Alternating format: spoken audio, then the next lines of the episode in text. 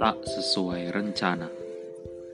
Kita tentu pernah berada pada saat di mana segala halnya telah siap, segala persiapan telah sempurna, segala rencana ditulis dengan rapi, penanggung jawab kegiatan telah disepakati, catering telah dipesan, everything is ready, but selalu saja ada yang tak sejalan.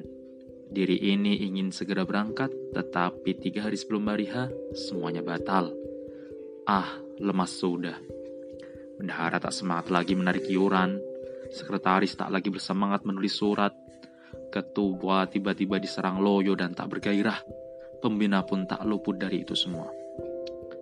Beruntung beberapa saat kemudian ada kabar menggembirakan. Acara diundur seminggu kemudian. Segala sesuatunya harus diatur ulang. Selagi masih ada kesempatan, yuk segerakan. Begitulah rencana manusia, terkadang dijegal di tengah jalan, bukan oleh kehendak pribadi atau alam, sering kali oleh kekuasaan yang mengambil alih kendali. Membuat yang di bawah kebingungan setengah mati. Selalu siap dengan segala kondisi, tatkala segala sesuatu tak sejalan sebagaimana mestinya, berlapang dadalah.